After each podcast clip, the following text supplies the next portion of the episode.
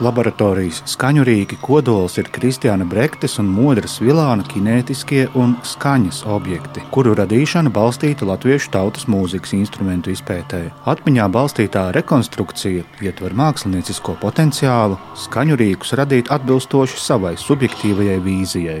Vai tā būtu tā dēvētā vēlna bunga, vai dūdas, ritma, taustiņu pūšamo instrumentu variācijas. Vizuālās mākslas kontekstā jebkuram no radītajiem skaņurīkiem var tikt piemērotas jaunas funkcijas un īpašības, to izskats var tikt pārspīlēts, hiperbolizēts vai apvīts ar jaunām mitoloģiskām kvalitātēm. Fonā dzirdam Jēkabā Nīmaņa un Maksima Šenteļeva skaņu ceļojumu, kurš ir viens no piemēriem, kā šādas kvalitātes var tikt radītas. Toties Jānradas veikums ekspozīcijā klusinātā dialogā ievelk komponista Kāļa Auzāna kolekcijas instrumenti, starp kuriem kā saistošāko var pieminēt vēlīnajiem viduslaikiem raksturīgo rata liru. Rīgas mākslas telpas izstāžu zāles tumsinātais interjers, asketiski, toties precīzi izgaismotie eksponāti, un ik pa brīdim no kāda zāles stūra atskatās izskanošie trokšņi atgādina tā dēvēto Wunderkameru, Cabinet of Curiosities, jeb brīnumu istabas konceptu, kurš aizrāva tirgotājus, kolekcionārus un augstmaņus 16. un 17. gadsimtā. Šajās speciāli iekārtotajās istabās bija atrodami ļoti dažādi artefakti, sākot no krokodilu izbāziņiem, minerāliem un koraļiem līdz gleznām, ziloņkaulu trofejām, mērinstrumentiem un pirmajām automātiskajām ierīcēm. Tas bija ieskats pagātnē, kas pilna ar dabas brīnumiem un dārgumiem, kuru mērķis bija atspoguļot visumu kārtību. Lūk, kāds tilts starp pagātni un mūsdienām. Šo līdzību uzsver izstādes un laboratorijas skaņurīki kuratorei Augustai Petrei un vienam no mākslinieku dueta Modrim Svilānam. Par to kabinetu, par to, ka telpa ir tumša, tas bija ļoti apzināti un arī apzināti tika pieņemts lēmums ka nebūs nekādas papildus starpsienas vai teiksim, nebūs kaut kāda izolētība starp tiem mākslas objektiem, jo tie ir katrs pats par sevi un katrs rada to savu skaņu, bet uh, tas galvenais ir tā pārvietošanās telpā un tas kopējais skaņu celiņš, kas top nu, arī tiem, tiem objektiem um, iedarbojoties.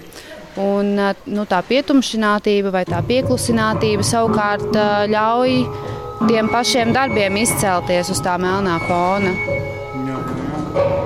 Un tad eh, nu, arī eh, paralēlēs ar kuriozitāšu kabinetiem, mums ir gan šie jaunradītie, kombinētie mākslas darbi, kur ir no dažādiem elementiem sastāv gan no sadzīves kaut kādiem priekšmetiem, gan no dabiskiem izējuma materiāliem, gan no tehnoloģijām un elektronikas, kas tieši veido to skaņu. Un eh, tad ir arī vēsturiski objekti, kas ir Kāļa Auzāna kolekcijas instrumenti, kas ir izdalīti atsevišķi un piedod vēl tādu kontekstu citu. Es tev modri gribēju jautāt, es jau šeit biju vakardien. Un jau guvu tādu iespaidu par to kaut kādu kopējo noskaņu. Man dažkārt uh, ienāca prātā, droši vien tas nav ļoti literārs latviešu valodas vārds, bet tāds krāmiskums, ka kaut kādas lietas, kuras mēs, kāds droši vien arī cilvēks, kurš ar tādu konvencionālu uztveri, kuram šķiet, ka kokam ir jābūt šķūnī, nevis mākslas telpā, Kā tu to krāmiskumu redzi, ko tev viņš nozīmē? Nu, šās izstādes kontekstā varbūt vairāk, kā mēs atcaucāmies to grāmatu par Latvijas mūzikas instrumentiem. Tur tā pirmā tāda doma jau bija tāda, ka latvieši vēsturiski jau tāpat taisīja tos instrumentus no tā, kas viņiem bija. Vienīgi tas, kas mums bija, ir bijis mainījies mūsdienās, un varbūt tāpēc mums tas krāmiskums ir bijis tāds savādāks. Tas, nu, tas koks, eh, nu, okay, okay, viņš, viņš ir tāds, kāds viņš ir, bet, eh, bet viņam mēs atkal piešķīrām kaut kā to, to vēlnu bungu, tādu tikai citu izmēru. Jo viņš jau vēsturiski tāpat tās vēlna bungas jau bija no kaut kāda zara, piemeklēta, nu, kas attaisno formu, kas attaisno savu to skanējumu. Un tieši tāpat mums jau arī, nu, viss arī tā, tā izstāde tieši tā arī veidojās. Ka visas tās lietas viņas jau nav paņemtas tikai tāpēc, ka viņi labi izskatās vai kas, bet ka viņi pilda kaut kādu noteiktu funkciju tajā skaņas celiņā. Jā, un vēl viena lieta, kas man liekas, arī paturpinot mūsu iepriekšējo tikšanos ar tevi, kad mēs runājām par pinhola kameru, kameras veidotiem attēliem, kas bija Rīgas SP galerijā, un šo meklēšanu gan pēc šīm abadījuma vietām, gan arī varbūt pēc dievnamiem, kur ir aizmirsti. Būtībā sanāk, ka gan tu, gan Kristiāns esat tādi varbūt pat pirmie Latvijas laikmetīgie etnogrāfi mākslas. o, tas bija baigi spēcīgais nosaukums, bet man viņš patīk. Nē, nu. tā ir etnogrāfija saistībā ar to, ka, nu, ka cilvēki astātās pēdas, un nu, tu pieminēji par tiem instrumentiem, ka jūs tietaties tomēr paskatīties, kas mūs ir veidojis, ne tik daudz par to, kas šobrīd notiek. It kā jau jā, bet eh, tas, eh, bet tas kas mūs ir veidojis, tas ir nu, nu mūsu tos, eh, tos instrumentus izveidojis tādi, kādi mums, ir viņi mums. Tas jau nav, mēs jau neskatāmies tādu kopējo, tādu varbūt tādu latviešu tādu, tādu nu, kaut kādu domāšana, bet tā ir tikai konkrēti tā mūsējā, kā mēs to redzam un kā mēs to attīstam mūsdienās, nu, tagad. Satieku kādu izstādes apmeklētāju. Elīze stāsta, kas viņu no redzētā uzrunājas visvairāk. Man liekas, diezgan daudz elementu. Mans mīļākais ir piemēram tas vienkāršākais elementu savienojums, kur ir sensors, kurš tev paķer tavu soli garām ejot, un ir šī dzelzs gulta, tahta, kurai pa vidu ir iekarināts fēns. Tas arī viss trīs elementus savienojoties. Labi, droši vien ceturtais vēl ir kas tā elektronika, iedarbina šo fēnu pūsties no gaisa kustībām, radīt šajā ierobežotajā kvadrātā skaņu, metālisku skaņu, dāļu skaņu. Man ļoti patika. Man ienāca prātā tāds apzīmējums kā dīvainais muzejs, jo te ir arī daudz lietu, kuras nu, ir saistāmas ar pagātni, ar pagātnē aktuāliem gan instrumentiem, gan varbūt kaut kādām arī pieredzēm. Jā, tik dziļi es patiesībā neiedziļinājos, bet cik no pieskatītāja sapratu, ka tas ir diezgan daudz veltīts dažādu laiku mūzikas instrumentiem, piemēram.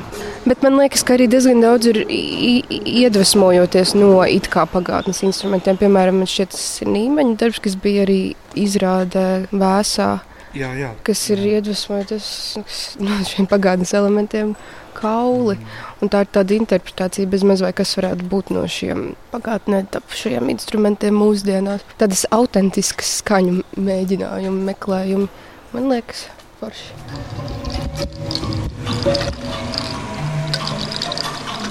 Būtiska projekta daļa ir viesmākslinieku iesaiste. Piecos pavadošās programmas vakaros aicinātie dalībnieki konceptuāli un arī fiziski iejauksies ekspozīcijas pilnveidē un ir jau paspējuši to izdarīt. Manā viesošanās vakarā tā ir apvienība Bērnu rīts, proti komponists Jānis Nīmanis un arhitekts fonogrāfs Maksims Šenteļevs. Viņu dalība izstādē ir skaņu ceļojums, nevis koncerts. Mūziķi speciāli aicina savus uzstāšanās laikā skatītājus pārvietoties pa zāli un pat pievienoties ar kādu muzikālu akcentu no plašā instrumentu klāsta. Daļu no tiem veido speciāli veidoti salikumi no dzīvnieku kauliem un elektroniskiem sensoriem, pastiprinātājiem un skaņas regulatoriem. Mūsu doma apmaiņa ir par šobrīd ar vien aktuālāko dzīvnieku labturības ideju, par cieņpilnu izturēšanos pret tiem arī pēc nāves un tādējādi cilvēka virskundzības izbeigšanu vai vismaz samazināšanu. Vai dzīvnieku kaulu un galvaskausu izmantojums mūzikā potenciāli neuzkurinātu kādā atbildīgākā dvēselē nepatiku? Skaidro Jēkabs Nīmanis, viņam pievienosies Maksims Šenteļevs. Mēs ejam tādā arhaikā, vairāk atpakaļ, skatāmies tālu, tālu atpakaļ un meklējam tur sevi. Mēģinām ieraudzīt, kā būtu, ja būtu situācijas, bet tāpat laikā tas tāpat notiek šobrīd, šeit un tagad. Es domāju, ka ar to noteikti ir jādarbojas uzmanīgi. Jā, it īpaši mūsdienās, jo nav vairs tie, nav vairs tie mednieku laiki, nav vācēja laiki. Šobrīd, protams, ir cits laikmets. Te pašā laikā, tīpaši mākslā, kas, ko mēs izdarām, ir ļoti nozīmīgi. Tas vairs nav, nav, nav tāpat vien. Jo tam ir liela rezonance. Tāpēc, ja mēs runājam kaut kādā izvēlētā valodā, tad par, tiem, par to, ko mēs pasakām, ir jāatbild. Jāmāk paskaidrot, kas tas ir, kādēļ, jo tas norezonē spēcīgi un ļoti daudznozīmīgi. Tad es domāju, noteikti jābūt ļoti atbildīgai pieejai, tā skaitā attiecībā arī uz dzīvnieku izmantošanu mākslā. Teiksim, tādā klasiskā izpratnē, tā vai citādi mūzikas sniegumu. Mūziķi atnāk kopā, viņi izmēģina konkrētu skaņdarbu, bet jums ir tik ļoti daudzveidīgi šie elementi, vēl tur ir iekārtas, vēl arī analogās sistēmas. Vai vispār ir iespējams kaut ko izmēģināt, vai tā ir tāda laboratorija uz vietas, kas notiek klausītāju priekšā? Tu pareizi saki, tā ir laboratorija, kas notiek, es pat teiktu, kopā ar klausītāju. Jo noteikti, ja tie būtu citi cilvēki vai, vai citi apstākļi, mēs kaut ko citu darītu. Es domāju, tas, tas, es ticu tam, ka improvizācija ir tāds kopdarbs telpai un tiem, kas ir telpā, un nozīme tam, kurš spēlē, kurš klausās, ir ļoti maza. Jo, ja mēs apziņā esam vienoti tajā klātesamībā, notikumā, kurš notiek, tad uh, tur ir visi līdzvērtīgi. Man liekas, tas bija vairāk skaidrs kā reizīt arhaiskajos laikos. Kad uh, visi varēja muzicēt, bet uh, visi varēja arī klausīties. Tur tam nebija tik liela tā nošķirtība, kur ir publika, kur ir uh, mākslinieki. Jo nebija neviena ne otru. Bija vienkārši dalība no, notikumā. Jā, jā. Jā, tas droši vien arī tāds atspējas. Mēs šeit vairāk esam kā gidi, kas aicina doties ceļojumā, un mēs paši esam tie, kas arī šo ceļojumu mēģina atklāt. Jo mēs redzam tikai ekipējumu un, un, un, un uzdodam sev dažādus jautājumus. Ļoti interesanti, svarīga lieta par tiem paštaisītajiem, darinātajiem instrumentiem. Daļa no uh, instrumenta skaņas veido tas, ka ar šo instrumentu veidojas saikni viņu būvējot.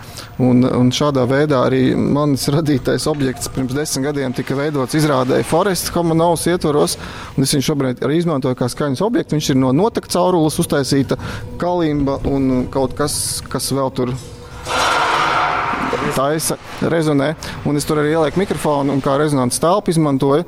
Un tajā brīdī, kad to instrumentu pats veido un izgudro un domā, tad veidojas viņa attiecības. Un caur viņu kaut kā diezgan personīgi var arī kaut ko vēstīt. Un, un ja kāds cits kaut ko līdzīgu darīs, viņam būs pilnīgi cits vēstījums. Ar citiem gaidāmajiem notikumiem izstādes programmā iepazīstina kuratori Auguste Petre. Kristians bija tas, kurš ieminējās par Kāļa Auzāna kolekciju. Un ar viņu sarunājoties, jā, mēs uzzinājām, ka viņam ir tiešām ārkārtīgi plaši pārstāvēt no visas pasaules instrumenti, Un par katru no šiem instrumentiem ir stāsts, ar kuriem viņš arī dalīsies 13. oktobrī šeit uz vietas. Un kaut kā šķita, ka tas varētu, nu, mēs it kā runājam par šo latviešu identitāti un tiem latviešu instrumentiem, bet tajā pat laikā ir pasaulē tik. Tik, tik daudz arī interesantu šo te, nu, lokālo personīgo sastāvdaļu tieši no mūzikas puses, kas ir veidojuši to tautu un, un, un kultūru. Un tas mums arī šķiet būtiski to iekļaut 20. 9. septembrī Valdis Muktupāvels uzstāsies ar priekšlasījumu par tieši latviešu tautas instrumentiem, kas mums arī šķita ārkārtīgi svarīgi, ka Valdis Muktupāvels piekrita piedalīties šajā projektā, jo viņa grāmata un viņa veiktie pētījumi ir tā, tas pamats un iedvesma. Un arī eksponēti šeit. Jā, jā, tieši tā. Un, un tad ir 13. oktobrī Kārlis Auzāns un 15. oktobrī 9. vakarā plus K plus M plus B performance, kurš nobeigumu. Tā ir apvienība, kurā arī Kristians darbojas kopā. Modrs. À, arī, arī tu. Jā, à, jā, arī jūs kopā. Un, Mārs Butlers. À, Mārs Butlers, jā, K plus M plus B. Tā, tā, tā tad būs, es domāju, ļoti piesātināta performance. Ar, arī ar dažādiem instrumentiem, ne tikai elektroniskām skaņām.